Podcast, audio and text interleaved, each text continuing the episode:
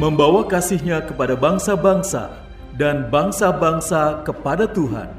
Melalui program Meaning of Life, terimalah salam dari kami untuk seluruh sahabat jangkar kehidupan.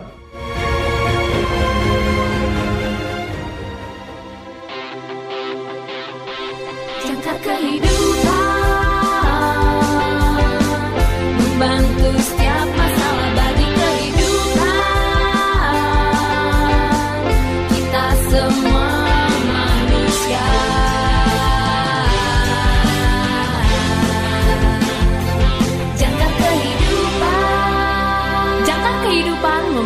kabar baik buat kita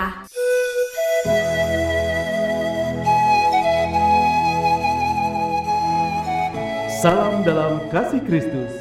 Selamat berjumpa kembali sahabat jangkar kehidupan dalam program renungan Meaning of Life. Renungan kita hari ini adalah renungan masa Advent. Renungan berjudul Katakan Apa? Ditulis oleh Dr. Karifo.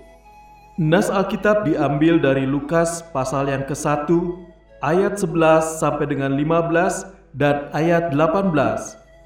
Lukas pasal yang ke-1 ayat 11 sampai dengan 15 dan ayat 18.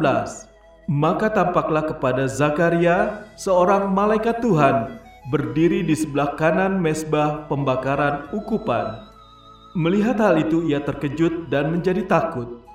Tetapi malaikat itu berkata kepadanya, "Jangan takut, hai Zakaria, sebab doamu telah dikabulkan dan Elisabet istrimu akan melahirkan seorang anak laki-laki bagimu dan haruslah engkau menamai dia Yohanes.